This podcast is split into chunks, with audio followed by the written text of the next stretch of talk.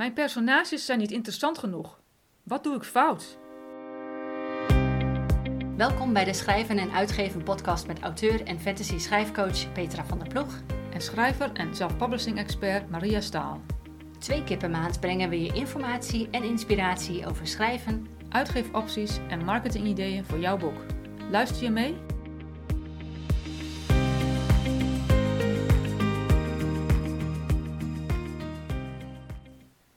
Hallo allemaal, ik ben Maria Staal en het is zaterdag 1 oktober 2022. Dit is aflevering nummer 32 van de podcast, waarin we het gaan hebben over het creëren van sterke personages in je boek. Peter en ik praten over wat sterke personages eigenlijk zijn, hoe zij in je verhaal goed tot hun recht kunnen komen en we delen drie noodzakelijke manieren om zo'n personage te creëren. Veel luisterplezier!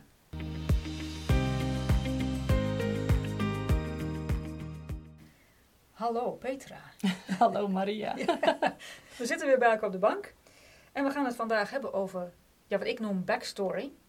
Eh, jij noemt het achtergrond. Mhm. En dat is de achtergrond van het verhaal van, eh, van je personage. Klopt. Ja. En ehm, nou, dan is meteen mijn eerste vraag. Wat verstaan we onder achtergrond?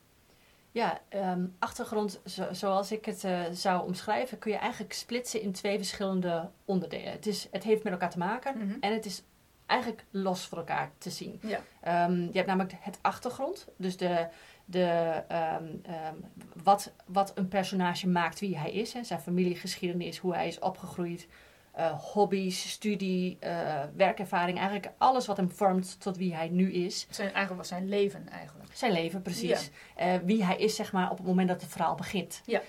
En je hebt het achtergrondverhaal. En dat is eigenlijk een onderdeel van het achtergrond. eh, maar het zijn de zaken die direct leiden tot het begin van het verhaal. Dus dat is, dat is dus de relevante en noodzakelijke kennis om het verhaal van je personage goed te kunnen vertellen. Ja. Ehm, en het zit dus ook direct verbonden in je plot. Mhm. Uh, denk bijvoorbeeld aan een, ehm, ik zeg maar een voorbeeld, een, een, een jongen die in zijn jeugd afscheid heeft moeten nemen van eh, zijn beste vriend. En nu hij volwassen is, eh, kan hij daardoor moeilijk vriendschappen maken. Ja. Omdat hij dat trauma zeg maar, van de jeugd heeft meegenomen. Ja, ja. Als je verhaal begint met deze jongeman en zijn kijk op zijn vriendschappen. ehm, eh, en aan het eind is daar dus een verandering in gekomen. Dan is dat dus achtergrondverhaal. Want dat is dus echt direct relevant op het plot. Op het plat, op hoe, hoe het, het verhaal in het boek gaat verlopen. Juist. Zijn, juist. zijn de groei van de personage. Klopt. Ja. Klopt. Dus daar wil je een verschil in maken. Achtergrondinformatie, eh, achtergrond is natuurlijk heel belangrijk. Maar niet alles van de achtergrond heeft echt een duidelijke, ehm, eh, duidelijke plek in je verhaal. Niet alles hoeft verteld te worden. Nee, zeker niet. Achtergrondverhaal wel. Dat is echt verplicht. Dat, is, dat, is, dat zit in jouw plot. Dat moet dus verwerkt worden. Ja. Dus als je dan kijkt naar het verschil tussen achtergrond en achtergrondverhaal. Achtergrondverhaal is dus, eh, nou ja, wat ik al zei, verplicht voor jouw plot. Eh, achtergrond is bijvoorbeeld, ik geef je even een voorbeeld. Ehm, je hebt iemand met een medische opleiding en die gaat een gesprek aan met een arts. Dat gesprek zal veel inhoudelijker zijn dan iemand die een opleiding tot een montuur heeft gedaan. Ja. Ja. Die gaat een hele andere vragen stellen. Ja. Is het dan van belang dat jij moet uitleggen dat er een medische opleiding is geweest of dat er een monteur... Nee, is niet van belang, maar je wil het wel weten over je personage om dus dat dialoog goed te kunnen Als neerzetten. schrijver moet je dat wel weten. Ja. ja. Waarom is de achtergrond van je personage zo belangrijk voor je verhaal? Eh, het belangrijkste zou ik zeggen is de geloofwaardigheid van je personage. Mhm. Je wil echt drie, 3D-personen neerzetten. Mensen die jouw verhaal lezen moeten het idee hebben: dit zijn echte mensen. Ook al is het een compleet fantastisch verhaal, maakt niet uit. Ja. Je wil de connectie maken met je lezer. Dus zul je geloofwaardige karakters willen neerzetten. Daardoor zul je dus moeten weten wat zijn dan die incidenten wat jouw personage heeft meegemaakt Ja. voordat het verhaal begint. Ja. Ehm, want dan kun je dat goed overbrengen ehm, en, en het brengt diepgang in je verhaal. Ja, ik denk dat het ook gaat om, de, eh, je wil als schrijver zorgen dat je lezer empathie gaat voelen voor Ja. je hoofdpersoon. Ja. Want die hoofdpersoon gaat iets meemaken en jij wil als schrijver dat je lezer eh, ja, dat, eh, gaat, echt gaat denken van, oké, ik, voel, ik, voel, ik leef mee met, deze, met dit Ja. personage. Ja. En volgens mij kun je dat alleen doen als je een gedegen achtergrond, een gedegen backstory hebt, wat je dat ja, hebt uitbedacht. Klopt, klopt. Ja, en ik zou zo, zelfs zo ver gaan dat elke belangrijk personage gewoon een goed achtergrondverhaal eh, nodig heeft. En dat ook verdient, want dan breng je het verhaal echt goed over.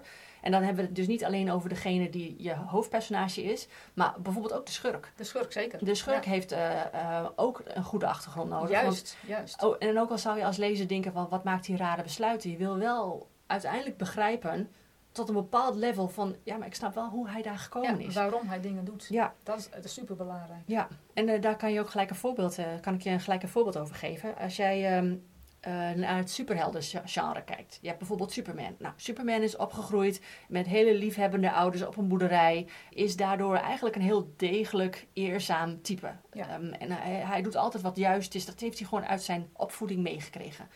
Ehm, zet je dat naast een, eh, een schurk, bijvoorbeeld een hele bekende, de, de Joker uit de Batman-serie. Ja. En je, je zou niet zijn achtergrond kennen met de mentale gezondheidsstrijd die hij heeft gevoerd, waardoor hij uiteindelijk tot de Joker is eh, ontwikkeld. Eh, ja, dan zet je er een soort Disney-karakter neer. Ja. Dus vandaar dat je echt beide, eh, beide personages, tenminste de belangrijkste personages, wil je echt een goed achtergrondverhaal geven. Ja. ja, als ik kijk naar mezelf, wat ik heb gedaan. Ik heb mijn hoofdpersonage, ik heb de, de bad guy. Dit is in dit geval een girl, maar de bad girl.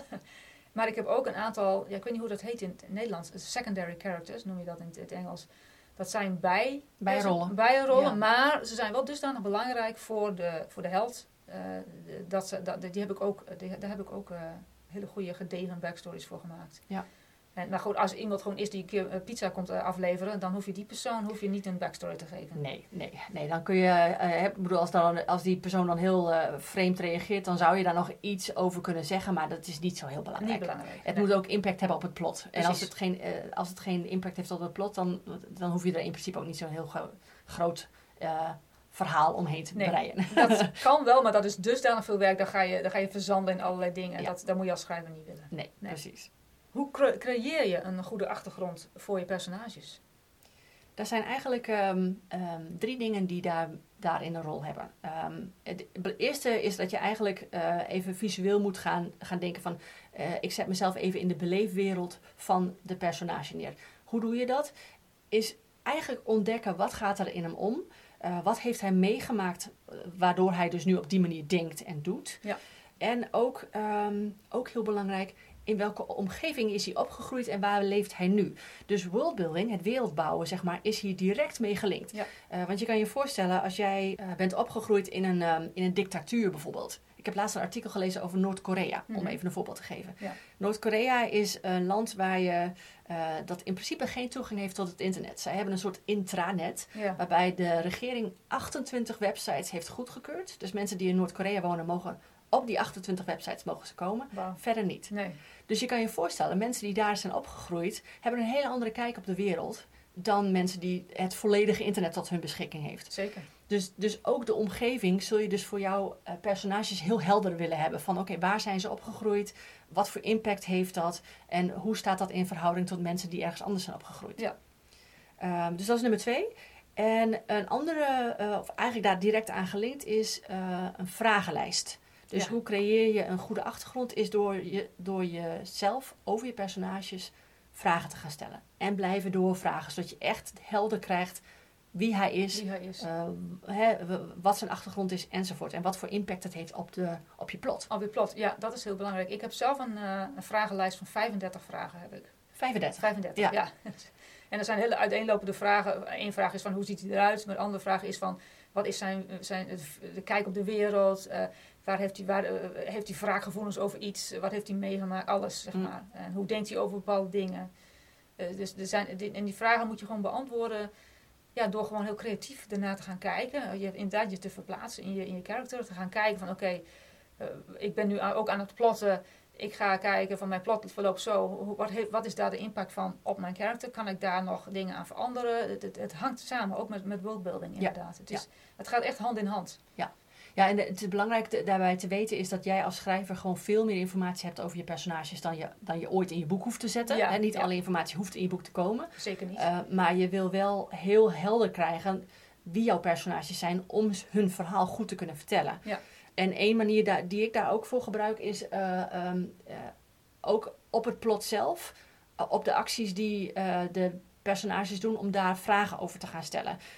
Ik, ik geef je een voorbeeld. Stel dat je we hebben twee karakters, Peter en Sabine. Mhm. Nou, Peter doet heel erg naar tegen Sabine. Ja, maar waarom doet hij dat eigenlijk?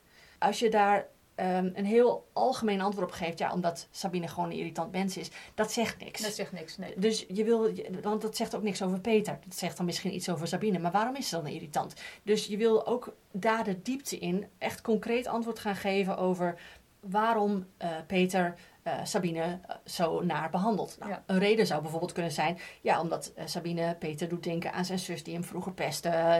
Dus je- je moet er echt even de diepte in gaan. Ja, of het kan zijn dat, ik, spitballing, maar dat Peter, dat eh, Peter Sabine nog kende van vroeger, maar dat ze haar, eh, hij, zij hem niet meer herkent, maar hij wel. En Ja. hij weet dat hij haar, zij hem altijd pestte. Precies, precies. Dus er, er is een redenatie waarom iemand nadoet. Ja, precies. Dus dat wil je gewoon duidelijk krijgen. En dat, dat als je het verhaal dan vertelt. Ik bedoel, dat de eerste introductie die je dan als lezer hebt is... Nou, wat, wat doet Peter raar? Dat hoef je echt niet meteen op dat moment uit te gaan leggen waarom die naar doet. Nee, zeker. Ehm, want dat is juist goed om dat later even te doen.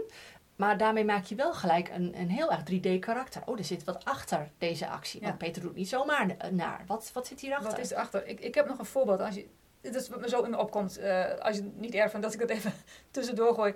Eh, de aflevering eh, Friends. eh, of de televisieserie Friends. Daar eh, is eh, Rachel, die heeft twee zussen. En in één aflevering, dan komt een van die zussen, die klopt bij haar aan. En zij woont op dat moment bij Ross. En op het moment dat, zij, dat, dat die zus aanklopt, zegt Rachel tegen, tegen de deur, eigenlijk staat aan de andere de deur zo van, wie is daar? En eh, de zus zegt, je favoriete zus? En Rachel zegt, Jill? Nee, Amy. En op dat moment, Ross is ook in de kamer, op dat moment zegt Rachel tegen Ross, hide my rings. Oftewel, ga mijn ringen verstoppen. Dat is een manier om eh, backstory te geven, want wat uiteraard... eh, Rachel weet onmiddellijk dat als Amy voor de deur staat, Amy die vroeger jatte ze altijd mijn spullen. Hmm. Dus ik wil niet dat zij nu mijn spullen gaat, eh, gaat jatten. Dus zegt ze dat tegen Ros, ga mijn ringen verstoppen. Dat geeft al, dat hele kleine zinnetje, hide my rings, geeft voor mij, zoals ik dat toen zag, toen ik dat voor het eerst zag, denk ik, dat geeft zo ontzettend veel achtergrondinformatie. Maar het vertelt eigenlijk niks. Nee. Het, zegt eigenlijk, het geeft niks over de achtergrond helemaal, maar het geeft een indruk bij de kijker in dit geval, of lezer, van hoe je dat dus goed kunt doen om Ja. backstory toe te voegen. Ja, en, en als kijker zul je dan gelijk ook denken... Oké, Rachel die vertrouwt haar dus niet. Wat gaat ze nog meer allemaal doen? Ja. Eh, dan ga je ook met argusogen naar deze Amy ke- Wat, kijken. wat is dat voor character? Precies, ja. ja. dus Ja. dat is een heel goed voorbeeld om Ja. inderdaad eh, hoe je backstory erin kunt verwerken door gewoon ehm, eigenlijk, eh, hoe noem je dat? Sprinkling. ja, ja, Ja. ja, ik, ik kan niet uit het woord komen. Kleine dingetjes hier en daar toe te ja, voegen. precies, Ja. precies. Wat zijn mogelijke valkuilen bij het creëren van de achtergrond? Die zijn er zeker. En ehm een daarvan, eh, wat ik in ieder geval merk bij, bij schrijvers, is dat ze het zichzelf te moeilijk maken. Ja. Dat ze te veel eh, duiken op de hele achtergrond van een personage. Dat dat vervolgens inhoudt dat ze, dat ze eigenlijk niet gaan schrijven. Dat ze, nee, we moeten eerst helemaal, helemaal duidelijk, helemaal helder krijgen wat de beweegreden is. Dat ze haast een beetje een psycholoog eh, gaan worden voor de personages Dat ze erin blijven hangen. dat ze erin blijven hangen. Ehm, waar het met achtergrond eigenlijk om gaat, is in elk geval één achtergrondverhaal, moet ik eigenlijk zeggen. één incident te kiezen die je plot vooruit drijft. Waar, waar, waar het, het plot eigenlijk om draait. Ja. In ieder geval één. Dus in dit geval kun je zeggen, less is more. Als, eh, als je merkt dat dit een valkuil voor je is, dat je het te, dat je het te groot maakt, te, te moeilijk, breng het dan even terug naar wat in ieder geval dat ene incident ehm, wat dit plot aanzet. En dat hoeft echt niet gelijk volledig traumatisch eh, iets te zijn, maar het is wel dusdanig traumatisch voor, de, ehm, voor, de, voor het personage om het verhaal dus te Om starten. even- precies, precies. Ehm, en vervolgens eh, wil je ook, dat is ook een valkuil, is dat je zoveel achtergrondinformatie probeert te verwerken in je verhaal, ehm, waarbij je eigenlijk loze informatie geeft. Dat geen impact heeft op het plot. Nee. Een voorbeeld eh, waar ik laatst eh, iets over las. Ik, ik kijk heel graag naar movie reviews op, op YouTube. Dus dan, dan is, is er iemand die heeft zo'n film gekeken en die gaat dan zeggen wat ze ervan vinden. Ehm, daar was een film, die heb ik zelf niet gezien, maar de reviews waren allemaal hetzelfde. Dus vandaar dat ik dit als een voorbeeld geef. Die film heette Jupiter Ascending. En dat is dus een film waarbij ehm, daar heel duidelijk een soort achtergrondinformatie wordt gegeven, wat vervolgens in het hele verhaal niet van toepassing was. Nee. Het, het, het, het maakte helemaal niet uit. Het ging zeg maar, eh, de hoofdpersonage, haar, haar vader is vermoord. En dat had helemaal geen effect op de rest van het plot. Ja, dan kun je dat net zo goed weglaten. Ja, precies. Dus uh, zorg dus dat je ten eerste niet jezelf te moeilijk maakt. En ten tweede dat je echt heel helder hebt. Is het, heeft het impact op het plot? Ja of nee? Nee, weg. kan dan moet weg. het eruit. Ja, Ja, want anders gaan lezers zich vervelen. klopt. En als ze zich vervelen, dan stoppen ze met lezen. Ja, of, of je maakt de lezers gewoon heel erg uh, verward. Ja, verward of boos, dat, dat Ja, het niet terugkomt. Precies, ja. dat het niet terugkomt. Als dingen niet worden afgerond in een verhaal, dan, dan dat zijn 9 van de 10 keer dingen die hadden gewoon niet eens gestart moeten worden in het verhaal. Plot holes. Plot holes, inderdaad. Ja. Nou, we hebben het al een heel klein beetje over gehad. Maar hoe verwerk je achtergrondverhaal in je plot? Ja, nou ja, wat we, wat we al een beetje hebben gezegd is, hou het in ieder geval boeiend. En daarmee, daarmee bedoel ik dat je, uh, je wil je lezen van begin tot eind, wil je uh, in het verhaal blijven houden. Ja. Dat betekent dus dat je niet alle achtergrondinformatie gelijk in het begin doet, Nee, of helemaal pas aan het eind. het eind. Nee. Um, dus dat wil je gewoon sprinkelen door het hele verhaal Dat heen. is een beetje die infodump. Je, hebt, je kan met, met worldbuilding kan je een infodump hebben. Van Mhm. oké, je gaat meteen vertellen hoe de wereld eruit ziet. Hoeft ook niet. Maar dat geldt, hetzelfde geldt voor dit. Ja, ja. en als, uh, net als dat voorbeeld van Sabine en, uh, en Peter, als je op dat moment gelijk gaat uitleggen, bij de eerste keer dat Peter nadoet tegen Sabine, wat de hele beweegreden erachter is, is helemaal niet interessant. Nee, en, en bovendien verklap je dan dingen misschien. Ja, je verklapt dingen en het is, het is weer zo'n soort infodump die daar niet past. Het is, het is juist goed om op dat moment uh, de lezer gewoon eens la te laten nadenken van, hé, hey, waarom doet Peter eigenlijk zo raar? En dat gewoon een x aantal hoofdstukken. En op een gegeven moment sprinkel je hier en daar wat informatie. Oh, er is wat gebeurd in zijn, in zijn verleden. Oké, okay. ja. maar wat is er dan gebeurd? Nou, dan weer een paar hoofdstukken later. En op die manier ga je dus, uh, ga je en dus dat vertellen. Is, dat is de manier waarop je, uh, ja, wat je eigenlijk ook kunt uit kunt plotten. Van, vanaf het begin. Ja. Dat je dus weet van, hé, hey, oké, okay, waar kan ik wat plaatsen? Klopt, ja. ja. Dus je wilt het gewoon heel duidelijk hebben van... Dit is mijn achtergrondverhaal. Hoe sprinkel ik dat, uh, dat uit over het, over het gehele verhaal? En dat maakt dus dat uh, dit soort onderwerpen eigenlijk meer voor plotters is dan voor pantsers. Ja, dat zou ik net te denken. ik denk dat dat het klopt, ja. ja, en tegelijkertijd denk ik ook als jij een goed verhaal wil schrijven, zul je toch wel iets van plotten moeten doen. Ja. Um, maar goed, dat is weer een ander verhaal. Dat is, dat is een ander, um, ander onderwerp. Maar goed, als we dan terugkijken naar uh, de hoe. Hè, de, hou het boeiend, verspreid het over het verhaal. En, en het, het, hoe, dat kun je op verschillende manieren doen. Je kan er een flashback doorheen gooien. Uh, je kan in dialoog tussen twee personages kun je ook het een en ander uh, verhullen. Ja. Um, en als jij vanuit de stem van de alwetende verteller, hè, dus degene, de schrijver die het hele verhaal kent, weet wat er is gebeurd en wat, wat er gaat gebeuren, als dat jouw vertelstem is, dan kun je ook nog een deel van die achtergrondinformatie in een introductie, conclusie of samenvatting geven. Ja. ja. Dus uh, dat, zijn, uh, dat zijn de manieren hoe je dat het kunt verwerken. Dat zijn de manieren waarop je het kan doen. Ja. ja. Heb je nog een conclusie voor ons? Ja, ik denk dat het goed is als we nog even, ga, even kort gaan samenvatten. Ja. Um, stap 1 is dus leer je personages zo goed kennen alsof je eigenlijk het dagboek van je beste vriendin aan het lezen bent. Ja. He, dus je wil uh, weten hoe hij overkomt, maar ook wat er intern met hem gebeurt. Schrijf, uh, dit is een tip, schrijf eerst de achtergrond, de volledige achtergrond op van je personage.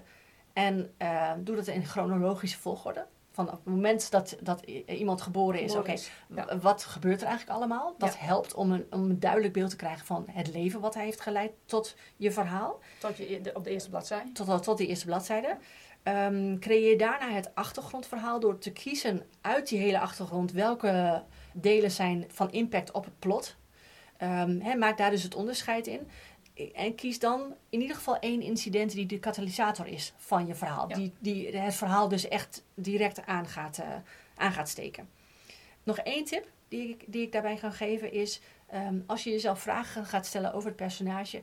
probeer eens de, de zeven keer waarom vraag te stellen. Oké. Okay.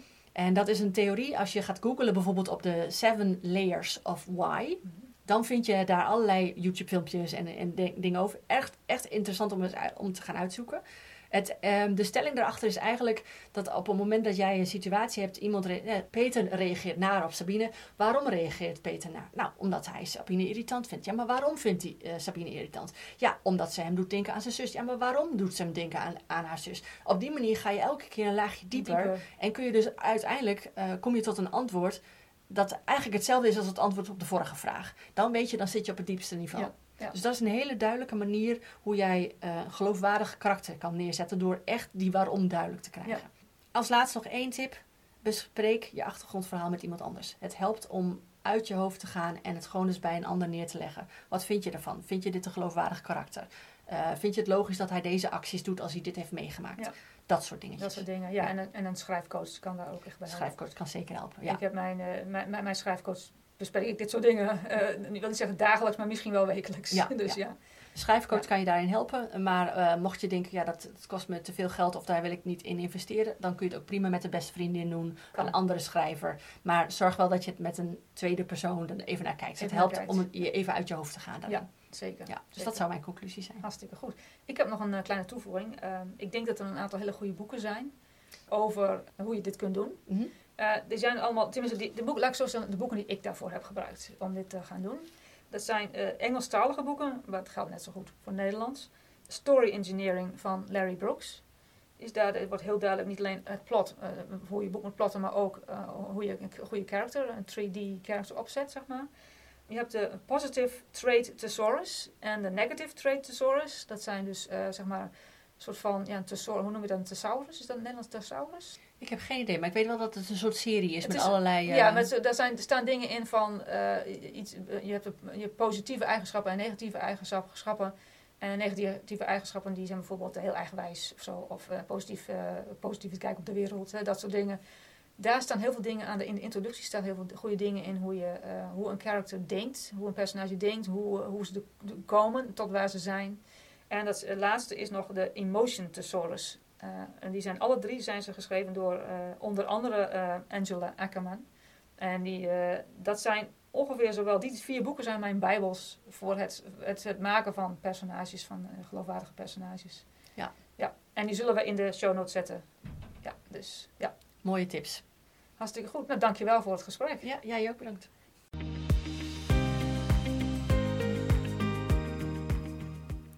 Het creëren van een sterk achtergrondverhaal voor je personage is van levensbelang voor je boek. Zonder dit zal je verhaal op wankelende poten staan en zullen je lezers minder genieten. Zaak dus dat je helder krijgt over wie je schrijft en waar je plot daadwerkelijk over gaat. De volgende keer gaan we het hebben over de vernieuwende uitgeefstrategie die specifiek werkt voor selfpubbers. We hebben namelijk gemerkt dat wij Nederlanders veelal de traditionele uitgeefstrategie hanteren. Maar voor ons selfpubbers werkt die strategie niet altijd even goed. In de volgende aflevering introduceren we daarom de zogenaamde indie-werkwijze. Benieuwd? Ga vooral luisteren. Tot de volgende keer.